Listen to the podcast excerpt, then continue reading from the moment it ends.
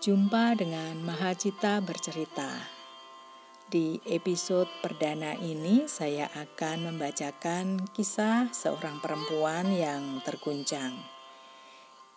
Ini kisah klasik tapi masih tetap relevan dengan kehidupan kita sekarang. Selamat mendengarkan. Pada zaman Buddha, seorang perempuan terguncang karena kematian bayinya. Secara histeris, ia membawa jasad bayi kesayangannya ke hadapan Buddha dan memohon beliau untuk menghidupkannya kembali. Buddha memintanya untuk terlebih dahulu membawa biji sesawi dari keluarga yang tidak pernah mengalami kematian anggota keluarganya. Kemudian perempuan itu pun berkeliling dari rumah ke rumah. Biji sesawi memang ditemukan di setiap rumah di India. Namun ia tidak bisa menemukan satupun keluarga yang belum pernah mengalami kematian anggota keluarganya.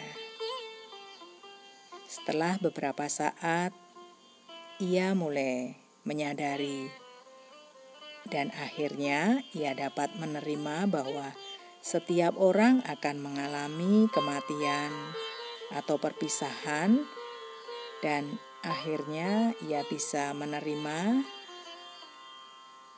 rasa duka yang begitu merana itu pun perlahan mereda.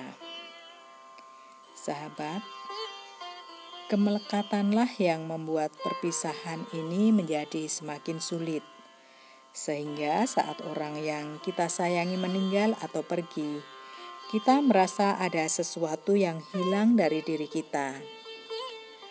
Umumnya, kemelekatan disertai dengan prasangka bahwa suatu kebersamaan akan berlangsung selamanya.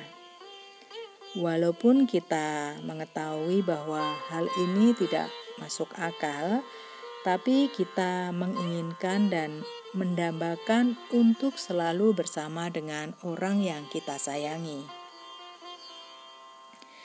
Ketika kita menolak untuk menerima bahwa kehidupan ini bersifat sementara, secara tidak sadar kita sebenarnya sudah merancang sebuah serial penderitaan bagi kita sendiri. Dengan memahami sifat bahwa kehidupan ini tidak permanen, kita mampu menghargai setiap momen yang kita miliki dengan orang yang kita sayang. Dengan melampaui semua channel-channel kemelekatan yang sudah terbentuk sekian lama, maka kualitas hubungan bahkan menjadi lebih bermakna. Sahabat, untuk kemajuan batin kita, izinkanlah Dharma mewarnai hidup kita. Kisah ini dipetik dari buku Membuka Hati Menjernihkan Pikiran karya Tupten Chodron. Semoga kisah ini bisa bermanfaat buat hidup kita semua. Salam Meta.